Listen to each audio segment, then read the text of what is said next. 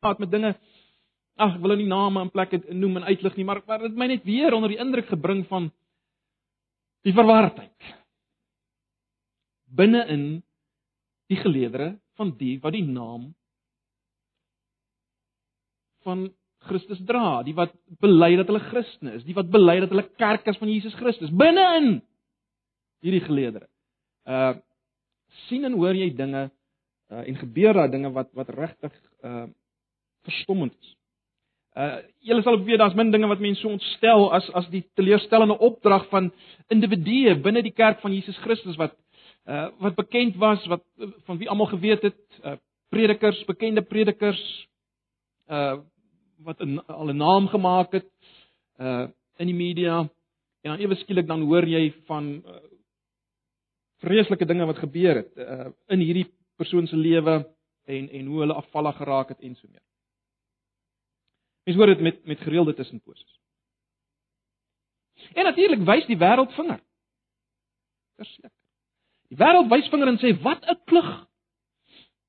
Wat 'n klug. Wat 'n gekkes gekkes spel is dit nie alles nie. En en ons self begin sinies raak. Uh, ek is baie geneig tot sinisisme.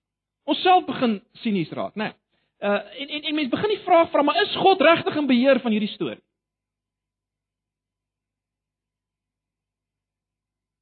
Hoekom laat God dit toe? Is hy nie bekommerd oor sy eie eer nie? Ek meen die goed wat gebeur, ek meen dit tas tog sy eer aan, die goed wat gebeur binne in die sogenaamde Christendom. En jy vra die vraag, maar wie is dan nou eg en wie's vals en hoe, hoe weet ons? Hoe kan ons weet? Want almal dra die naam van Christus. Almal bely dat hulle Christene is en in die vreeslikste goed gebeur.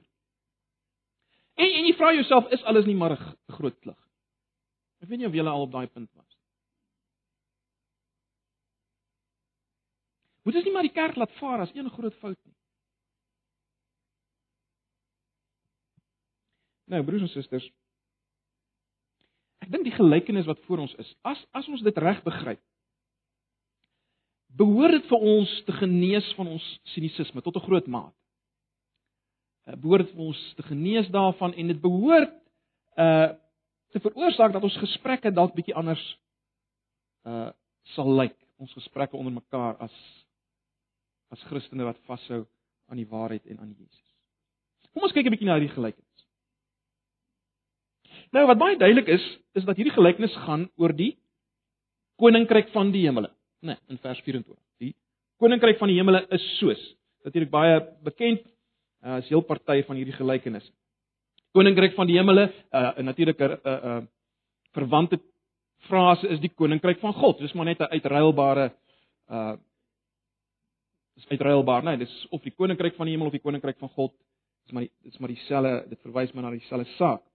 Nou, hierdie hierdie hele term of frase die koninkryk van die hemel of die koninkryk van God is natuurlik nie so baie maklike begrip om vas te vat. Ek weet nie of, of julle al baie daaroor gedink het nie. Mense mens sou 'n hele uh 'n seminaar daar kon uh, daaroor kon hou. Dit is nie so 'n eenvoudige begrip nie. 'n Mens moet uh bloot na alles kyk wat gesê word oor hierdie koninkryk van God of koninkryk van die hemele om om om om te begin uh tot konklusies te kom oor oor wat hier aangaan. Mense vat dit nie so maklik vas nie. Ek het alreeds verwys na die feit dat daar verskeie gelykenisse is wat sê die koninkryk van die hemele is soos, die koninkryk van die hemele is soos. En dan kry jy in die in die uh in die onsse Vader die die die die die gebed wat gaan oor die koninkryk, laat u koninkryk kom en so mee. Wat is hierdie koninkryk? Dit is nie so eenvoudig om dit vas te vat in een begrip nie. En die eerste ding wat ons met mekaar moet sê is dat hierdie uh hierdie koninkryk van God waarvan gepraat word of die koninkryk van die hemele is nie iets met afgebakende grense wat jy kan sê daar daar is die koninkryk van God. Met met ander woorde soos die Verenigde Koninkryk. Daar, daar lê hy. Daar is die koninkryk van God, of die koninkryk van die hemele. Verseker is die koninkryk van God nie so nie, né? Nee.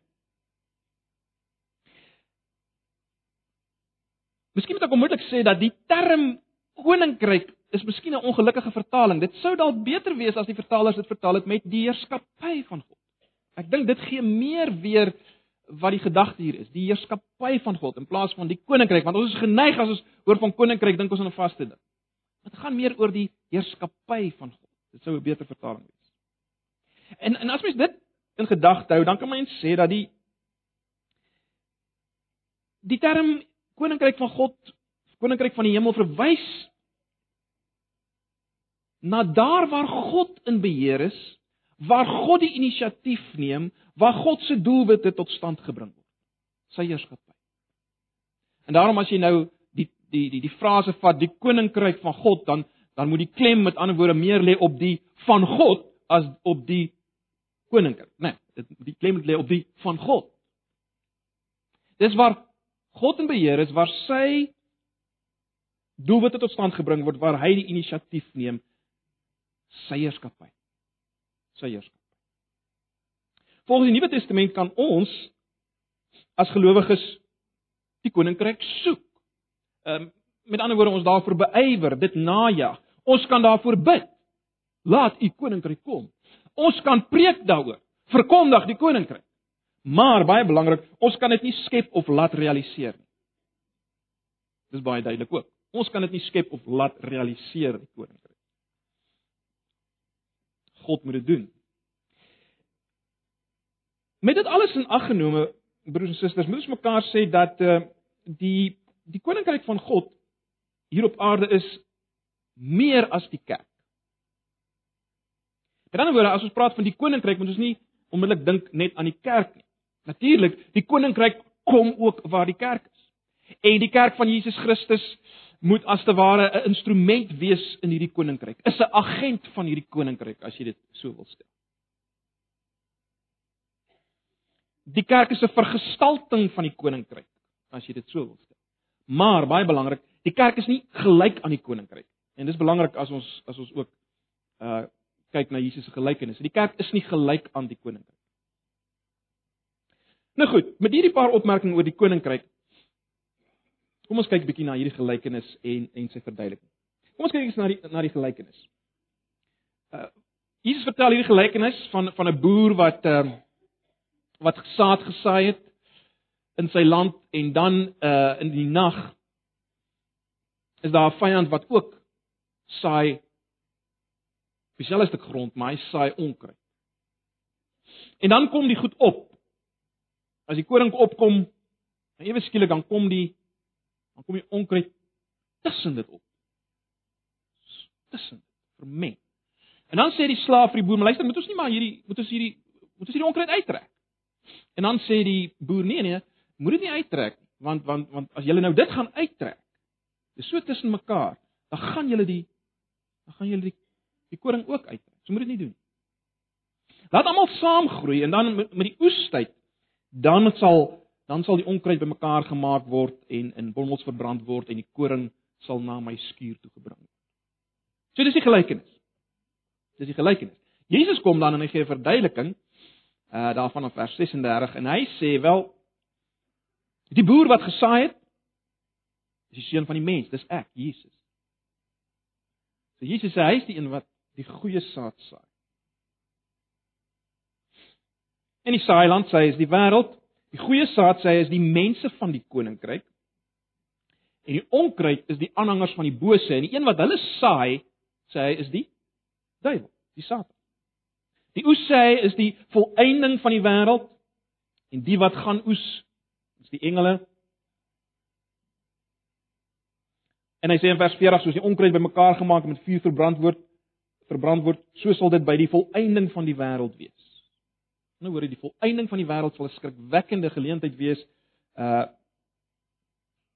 net soos daai onkruid wat wat bymekaar gemaak word en verbrand word. So sal dit wees in die volëinding van die wêreld sê Jesus. En dan sê Jesus 'n interessante ding in vers 41. Die seun van die mens sal sy engele stuur en hulle sal uit sy koninkryk verwyder. Baie duidelik nou hierdie saad wat die duiwel gesaai het. Almal wat ander mense in sonde laat val en almal wat letterlik die ongeregtigheid doen, hulle sal in die brandende oond gegooi word. Daar sal gehuil wees en 'n geknars op die tande en dan in vers 43 sê hy maar uh die regverdiges letterlik uh, die 83 vertaling praat van die gelowiges maar letterlik staan daar die regverdiges hulle sal dan skitter soos die son in die koninkryk van die Vader en dan dan sê Jesus wie ore het om te hoor moet uh moet luister na wat hy hier sê. So dis die gelykenis in die verklaring van die gelykenis. Hoe moet ons hieroor dink? Hoe moet ons hieroor dink? Wel die eerste ding wat ek dink tog hier duidelik word is dat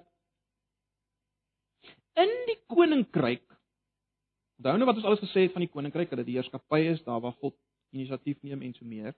Maar dit lyk vir my wat ons hier sien is dat in die koninkryk van die hemel of die koninkryk van God hier op aarde daar is kinders van die koninkryk en die kinders van die bose.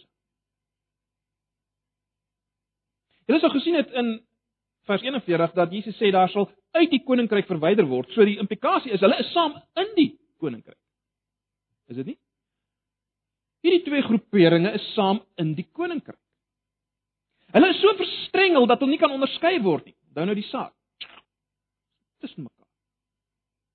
Hulle is so naby aan mekaar, jy kan nie die een verwyder sonder die ander een nie. Jy kan nie die een verwyder sonder die ander een. Nou, as die kerk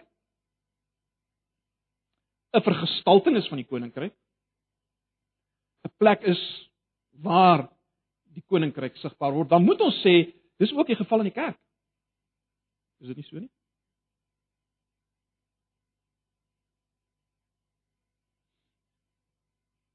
Dis waar van die kerk in die breë.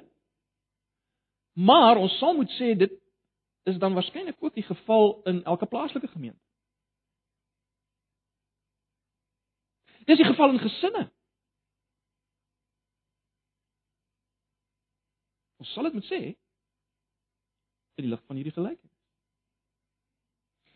Baie belangrik. Dit wat ons dan nou hier sê is die rede vir al die verwarring wat ons rondom ons beleef, is dit nie? Dis die rede vir die toestand wat ons noem die toestand van die Christendom, is dit nie? Dit wil ons hier sien. Hoekom is dit so? Wie se werk is hierdie verwarring? Wel, Jesus gee die verduideliking, is dit nie? Hy sê dis die duiwel se werk. Met ander woorde, die duiwel is aktief besig in die koninkryk van die hemel. Hy's besig daar. Hy saai sy saad daar. Hy plant sy mense daar as mens dit so kan stel. Hy verlei, hy verlok, hy beïnvloed die kinders van die koninkryk want sy mense is intussen hulle. Hulle lyk so dieselfde as kinders van die koninkryk dat dit onmoontlik is om hulle te onderskei van mekaar en te skei van mekaar. Die duiwel is aktief besig. Broers en susters, dit lyk vir my ons moet erns maak met die feit dat die duiwel aan die werk is binne die kerk van Jesus. Hy's 'n formidable vyand, hoor. Hy's lustig. Hy's sliep. Hy verander homself in 'n engel van die lig. En juist daarom, hierdie waarheid sê vir ons, ons kan nie maar aanvaar dat alles wat in die naam van die Here gebeur, eh, in elke plek waar waar waar waar waar, waar, waar Jesus verkondig word, is reg nie. En is dit alles van die Here wat daar gebeur nie? Dit is tog belangrik in ons tyd om te sê, alles wat gebeur in 'n sogenaamde Christelike byeenkoms is nie noodwendig van die Here nie. Dis dis die realiteit. Maar goed, die punt is net, daar's geen wonder dat daar soveel verwarring is waar die duiwel aan die werk is. Want hy is die meester van verwarring. Hy self is die toppunt van verwardheid as jy mense dit so kan sê. Dis die duiwel. En hy is werksaam in die koninkryk. Is tog interessant as mens kyk uh, na die Nuwe Testament. Uh iets van hierdie verwardheid of verwarring uh waarvan ek praat. Dis hier uh, uh, uh, uh ekskuus dis dis die duiwel wat wat Petrus uh of deur Petrus wil verhoed dat Jesus toe gaan, né? Nee. Daai julle Petrus sê nee maar kan nie Here Here, u kan nie dit kan nie wees nie. Hy hy wil nie hê Jesus moet kruis toe gaan nie. Dan draai Jesus om en sê gaan weg agter my Satan jy bedink nie die dinge van God nie, maar van mense, né? Nee. So so mense kan sê die die duiwel deur Petrus wil hê Jesus uh moenie kruis aan die kruis toe gaan. Maar dis dieselfde duiwel wat in Judas invaar om Jesus te verraai om na die kruis toe te gaan. En dan as Jesus aan die kruis hang, dan dan kan mens amper sê die duiwel deur middel van die owerpriesters roep uit As u die seun van God is, kom af van die kruis. Jy sien nou wil die duiwel weer Jesus af hê van die kruis. Verwarring, verwardheid, né? Nee. Dis die duiwel. Dis hoe hy werk. En broers en susters,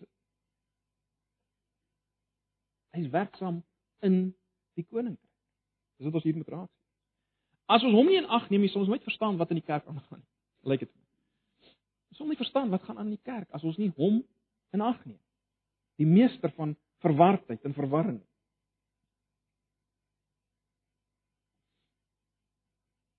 Iets anders wat mens natuurlik nou hier duidelik sien is dat ons moet besef in die lig van hierdie gedeelte dat ons eintlike vyand is nie mense nie, maar die duiwel. Dink weer aan die gelykenis. Dis die vyand wat die saad saai.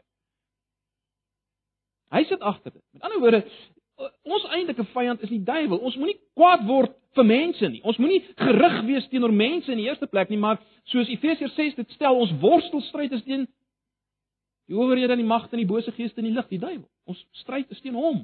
Dis ook iets wat hierdie gelykenis vir ons leer. Ons stryd is teen hom. Maar nou, baie belangrik en dis die kruks van die saak hier. Wie saai die goeie saad? Wel, Jesus, né, nee, volgens vers 37. Ons het gesien uh Jesus sê die een wat die goeie saad saai is is hy, die seun van die mens. Maar nou baie belangrik. Wie in die gelykenis sê, laat albei saam groei tot die oes toe? Wie sê dit? Wie sê laat albei saam groei tot die oes toe? Wel in die gelykenis is dit die boer, né, nee, die ouer die saad gesaai. Hy sê nee, wag, laat albei saam groei tot die oes toe. Wie is die persoon volgens Jesus? Wel is hy, die seun van die mens. Jesus.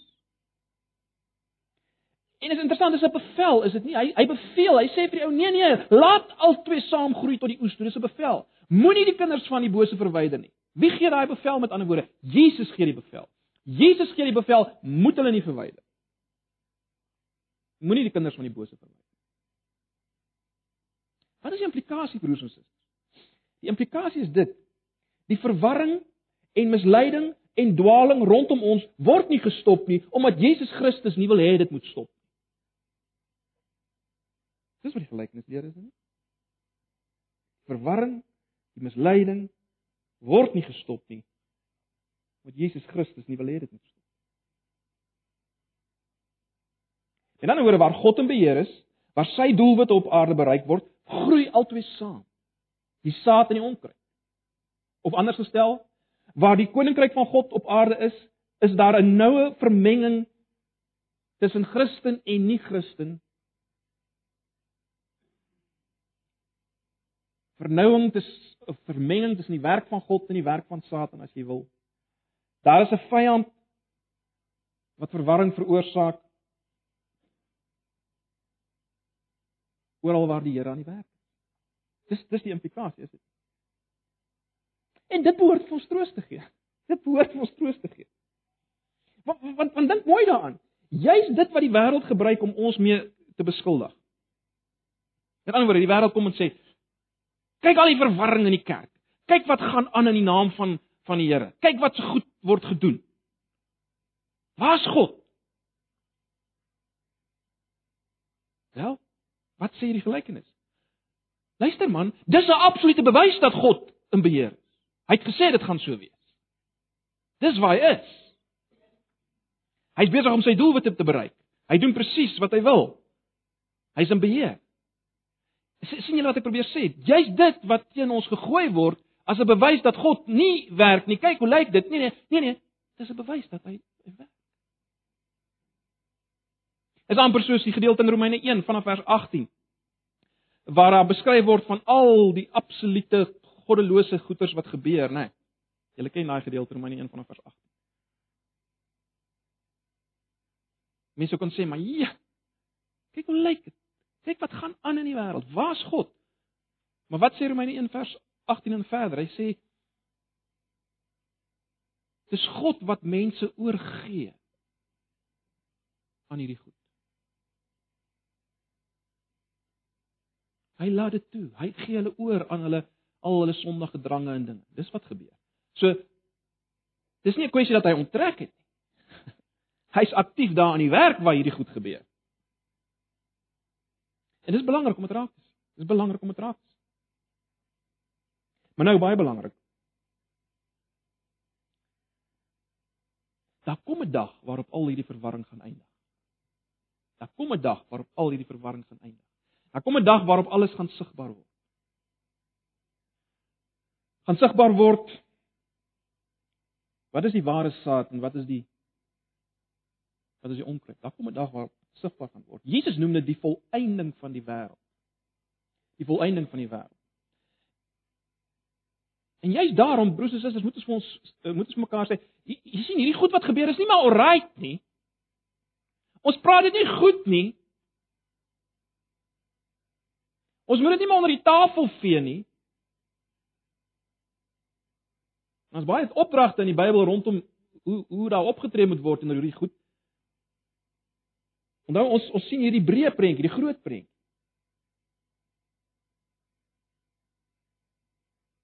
Baie belangrik, ons sien dit gaan nie deur God onder die tafel gevee word nie. Niks gaan verby God. Hy's absoluut in beheer van hierdie saak. En daar sal 'n dag kom waar die struikelblokke, soos hy dit stel, uit die koninkryk verwyder word. Weereens daar word natuurlik duidelik dat die koninkryk meer is as die kerk, né? Nee. As die ware kerk. Die wat werklik behoort aan Jesus. Dis 'n breër begrip hierdie heerskappy. Uit hierdie koninkryk sê sê Jesus sal die struikelblokke verwyder word. Nou die verskriklike implikasie hiervan is natuurlik weer eens dat dit moontlik is om om om sigbaar deel te wees van die koninkryk van God. Sigbaar te wees van gestalte soos die koninkryk van God, soos die kerk en tog verlore te wees. Ek, ek dink dis die duidelike implikasie. Uh in in die Hebreërs boek wat ons nou gedoen het, is dit ook duidelik. Dit is baie duidelik. Dis 'n verskriklike implikasie. Dis moontlik om deel te wees van hierdie die sigbare koninkryk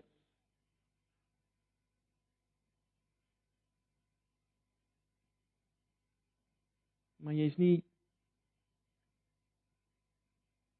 jy's nie werklik kind van God nie. Jy's nie werklik deel van hom nie.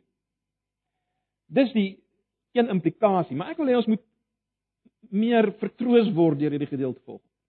En so op daai daai kant kom klem lê volgens. Ek wil hê ons moet meer vertroos word. En die troos wat ons moet neem volgens is dit. Dinge sal nie aangaan soos dit aangaan. Daar kom 'n einde aan al hierdie verwarring. En as jy 'n ware kind van God is, dan pla hierdie goed jou. Ek meen dis dit maak jou hartseer. Dit dit dit dit, dit ontstig jou. Maar maar wat ons vanoggend moet hoor is daar kom 'n einde aan dit alles. Die die misleiers, die valse profete sal nie vir altyd maak wat hulle wil. Lyk dit nou so? Hulle sal nie vir altyd maak wat hulle wil nie. Hulle sal verwyder word en as mens kyk na hulle einde is dit skrikwekkend, nê. Nee, daar sal 'n ge, gehuil wees en 'n geknars op die tande.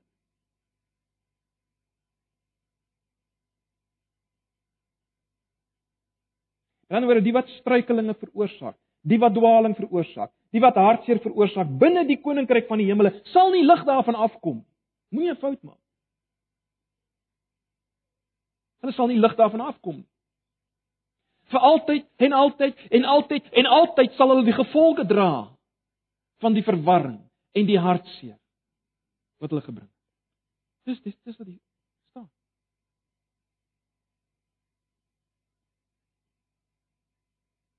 Terloops broers en susters, dit wys vir ons weer eens dat die hel is 'n realiteit.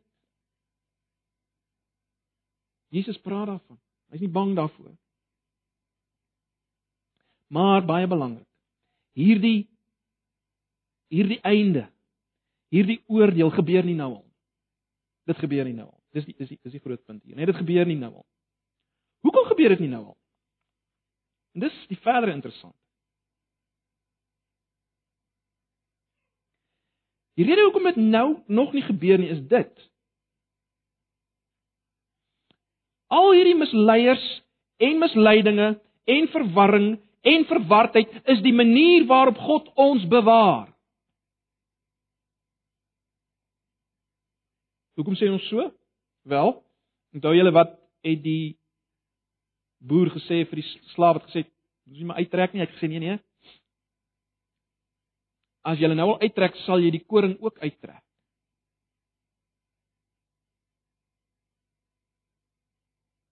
Ons sal saam vergaan as hulle verwyder moet word. Die implikasie is Dis eintlik hoe God ons bewaar. Dit dit is vre klink vreemd, maar dis dis die implikasie hier, né? Nee. Dis die manier waarop God ons heilig as jy wil. Uh, hierdie ouens bevorder ons groei as jy wil.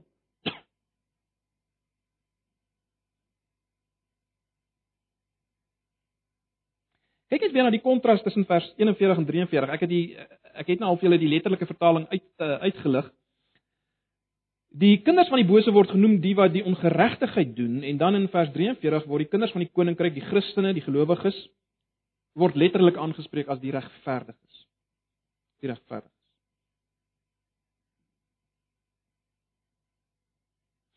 Nou, in Matteus, en dit is belangrik, in Matteus se evangelie word regverdigheid of ek so sê, regverdigheid het 'n ander betekenis in Matteus se evangelie as wat dit byvoorbeeld by Paulus het, regverdigheid of geregtigheid. By Paulus weet ons gaan geregtigheid oor die toegerekende geregtigheid. Ons word regverdig verklaar op grond van Jesus se lewe en sterwe in ons plek. Dis hoe ons God ons sien. Dis 'n wetlike uitspraak. Ons staan regverdig vir hom skoon met 'n positiewe balans voor hom as ek dit so kan stel. Jy's geregverdig. Regverdig. Uh, regverdigheid of geregtigheid. Dis hoe Paulus dit gebruik. In Matteus, baie interessant, word dit nie so gebruik nie. In Matteus gaan regverdigheid of geregtigheid oor praktiese geregtigheid. Gaan bestudeer maar die die uh bergrede en jy sal dit agterkom. Dit gaan daaroor praktiese geregtigheid. Met ander woorde, die uitvloeisel van regverdigmaking deur geloof, as jy wil. Die praktiese uitvloeiing, hoe lyk dit? Dit lei tot geregtigheid, praktiese geregtigheid. Uh gehoorsaamheid. Optrede wat op 'n sekere manier uh Jesus reflekteer. Dit wat ons kry in die bergrede.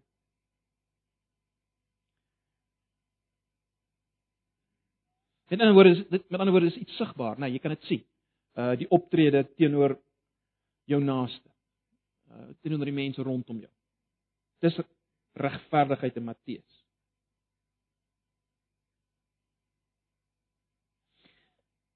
So wat ons in hierdie gelykenis sien is dat teenoor die ouens wat die ongeregtigheid doen wat in die hel gewerp word, staan die gelowiges wat gekenmerk word deur geregtigheid.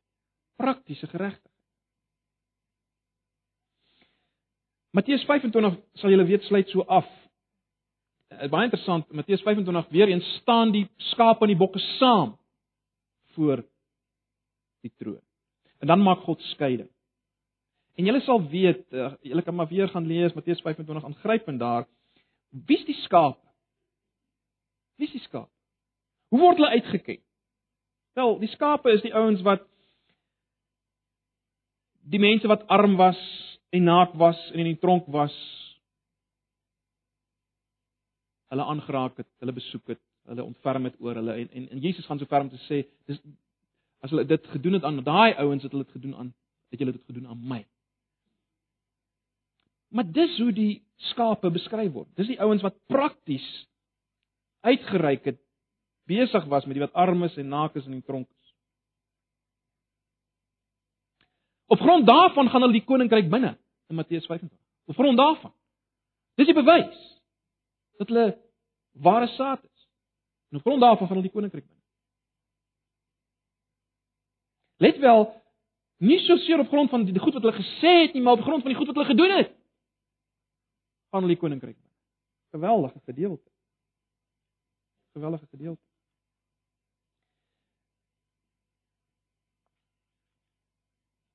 Ag, julle sal weet in die vorige gelykenis, in die gelykenis net voor hierdie ene, uh waar dit gaan oor die die saad wat op verskillende plekke gesaai is. Sommige het vinnig opgekom en dan is dit verstik, ander het nie 'n diep grond gehad nie ensovoorts. In daai gelykenis, wat is julle punt? Wat is wie's die wie's die ware koring? Wie's die ware saad? Wel die wat vrug dra, onthou julle? Dis die hele punt. Dis die hele punt van landbou te loop. Dis die vrug uit. Ander goed speel nie so groot rol. Vraag is watter een dra vrug? Dis waar dit gaan in die vorige gelykenis. Met ander woorde vrug praktiese geregtigheid is die toets wat aangelê word om die twee te onderskei. As jy as jy Matteus 25 lees, dan sien jy die hierdie ouens wat as skape beskryf word, het nie eens geweet wanneer hulle dit gedoen het. Hulle het gesê, "Here, maar wanneer was dit?" Want was dit was net wat hulle mee besig was, jy sien? Dit was waarmee hulle besig was. Maar goed, waarom sê ek al hierdie goeders? Die belangrike ding is dit. Hierdie praktiese geregtigheid. Hierdie praktiese geregtigheid. Wanneer ontwikkel dit? Dit ontwikkel terwyl daar saam met die onkruid gegroei word. Dis wanneer hierdie praktiese geregtigheid ontwikkel. Dis wanneer die vrug ontwikkel terwyl daar saam met die onkruid gegroei word. Met ander woorde, dis binne hierdie toestand dat praktiese geregtigheid of regverdigheid ontwikkel soos God wil hê dit moet ontwikkel binne hierdie toestand. Kom ek stel dit anders. Al die stikkindheid wat veroorsaak word deur die onkruid tussen ons gee kans tot liefde. Al die stikkindheid onder ons wat veroorsaak word deur die onkruid gee geleentheid. As jy wil tot liefde tot uitreikende opofferende praktiese geregtigheid liefde. Jy's hierdie stikkend begin julle sien wat God waarmee God besig is? Dis 'n meesterplan. Hy's in beheer van dit alles om sy mense te vorm. As jy dit anders wil stel, dis God se manier om ons te bewaar vir daardie dag van skeiding op Matteus 25.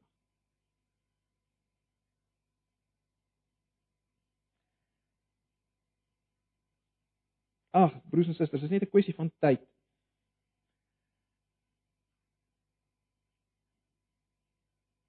Dan kom die finale gestalte van die koninkryk van God en en volgens hierdie gelykenis sal ons dan skyn soos die son. Het julle dit gesien?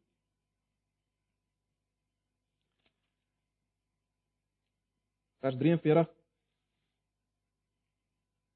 dan sal die gelowiges of die letterlik die regverdiges in die koninkryk van hulle Vader skitter soos die son. Uh, wat probeer hy sê deur hierdie beeld? Wel Dis verseker 'n beeld van heerskappy. Dis is dis 'n beeld van heerskappy. Uh, julle sal weet God maak aan die begin die son en die groot ligte om te heers oor die aarde. Dit gee die gedagte van die heerskappy wat die hemel uitvoer op die aarde groot ligte is gegee om te heers. Baie interessant in die Ou Testament ook, uh, daar word van groot heersers gepraat as sterre. En daarom ook uh, kry mens hierdie beelde weer terug in Openbaring, né, nee, die sterre wat val en so aan. Dit verwys na heersers wat val en so meer. Maar goed, sonder om daarop in te gaan, die punt is maar net uh as as Jesus sê die gelowiges sal soos die son skyn in die koninkryk, beteken dit ons sal heerskappy voer. sien julle sien julle wat hier aan die gang is? Ja, hier op aarde is ons verstrengel tussen die onkruid. Lyk ons maar net soos die onkruid en die onkruid net soos ons en dan maar dan kom 'n dag wat ons heerskappy sal voer. Duidelik heerskappy sal voer. Dis dis wat Jesus hier sê. En dan van ons saam sit, nê, nee, met die een wat dit alles moontlik gemaak het. Die saaier self, Jesus, wat sy lewe gegee het. Jesus wat soos 'n koringkorrel in die grond geval en gesterf het sodat daar vrug kan wees. Ag broers en susters, dis dis die gedagte. Ons wil saam met hom sit, saam heerskappy voer. Jesus se laaste woorde is hier: "Wie oor het om te hoor, laat hom hoor." Dis die letterlike vertaling. Wie oor het moet luister of wie oor het om te hoor, laat hom hoor. Dit ekho natuurlik dit wat ons in Openbaring kry, né? Nee.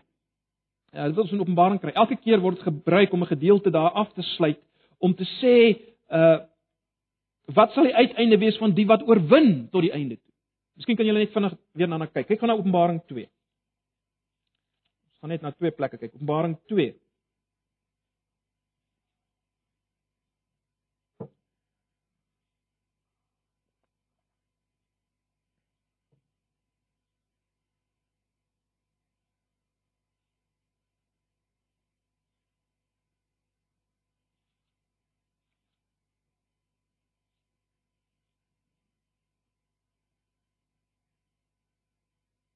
vanaf vers 26 en elkeen wat die oorwinning behaal en tot die einde toe vol om te doen wat ek wil hê, sal ek mag en gesag oor die nasies gee. Hy sal hulle met 'n eysterscepter regeer, hulle soos kleipotte stukkend slaan. Weer die gedagte van heerskappy, né? Dieselfde mag en gesag het ek ook by my Vader gekry. Daarby sal ek vir elkeen wat die oorwinning behaal die môre ster gee. En dan vers 29. Elkeen wat kan hoor, moet luister na wat die Gees vir die gemeente sê. Letterlik weer oor dit laat hom hoor wat die Gees vir die gemeente sê en dan ook in Openbaring 3. Ehm um, vers 21 en 22. Is maar net nog 'n voorbeeld. Elkeen wat die oorwinning behaal, sal ek saam met my op die troon laat sit, net soos hy ook die oorwinning behaal het en saam met my eh, nee, ekskuus, net soos ek ook die oorwinning behaal het en saam met my Vader op die troon gaan sit het. En weer aan vers 22. Elkeen wat kan hoor, luister na wat die Gees vir die gemeente sê. Selfe Jesus. Terloops in hierdie gemeentes in Openbaring is baie duidelik hierdie vermenging, né? In hierdie gemeentes was die vermenging baie duidelik. Die onkruid is in die saad. Jesus sê maar as jy oorwin. As jy getrou bly te midde van hierdie omstandighede, te midde van die die die stryd tussen die onkruid, as jy getrou bly.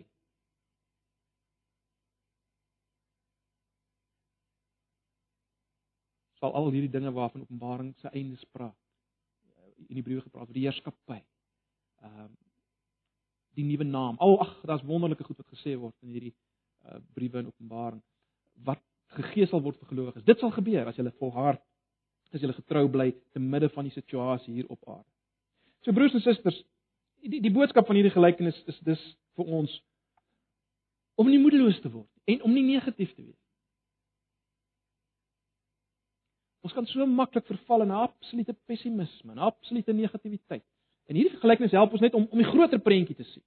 Ja, dit beantwoord ek weet volgens nie al, al die detail van ons vrae nie. Dis ook nie bedoel om dit te doen nie. Net 'n gelykenis wat vir ons 'n groot prentjie wil gee.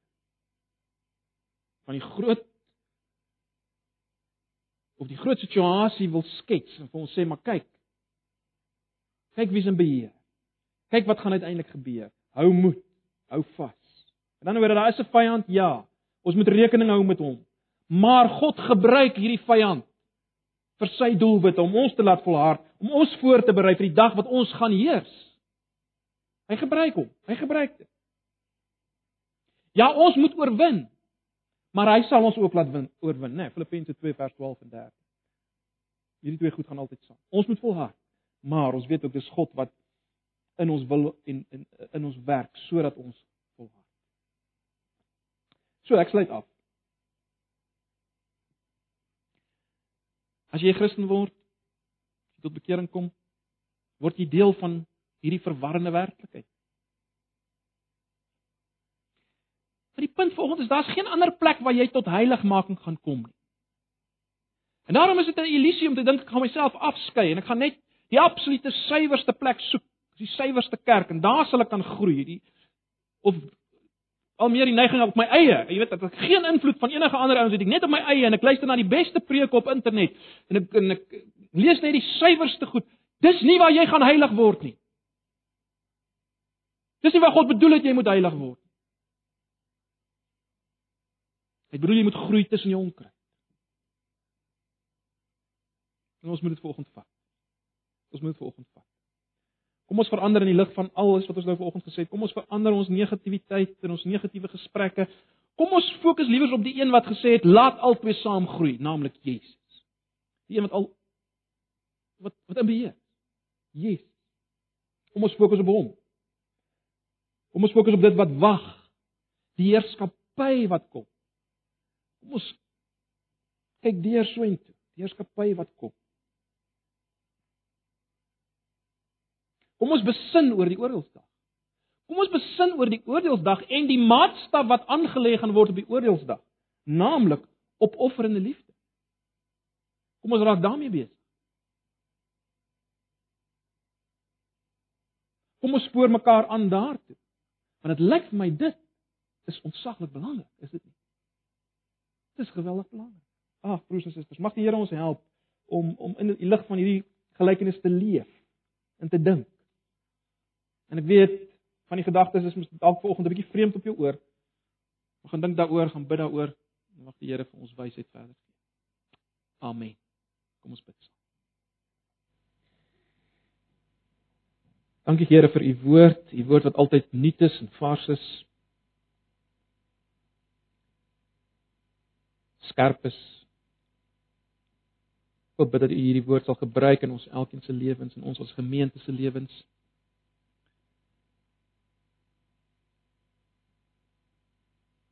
Ja Here, dat ons realisties sal kyk na alles wat rondom ons gebeur, maar dat ons ook juis daarom nie sal moedeloos word nie, maar ons vertroue sal stel in U, Jesus. Die Saaier. Die koning.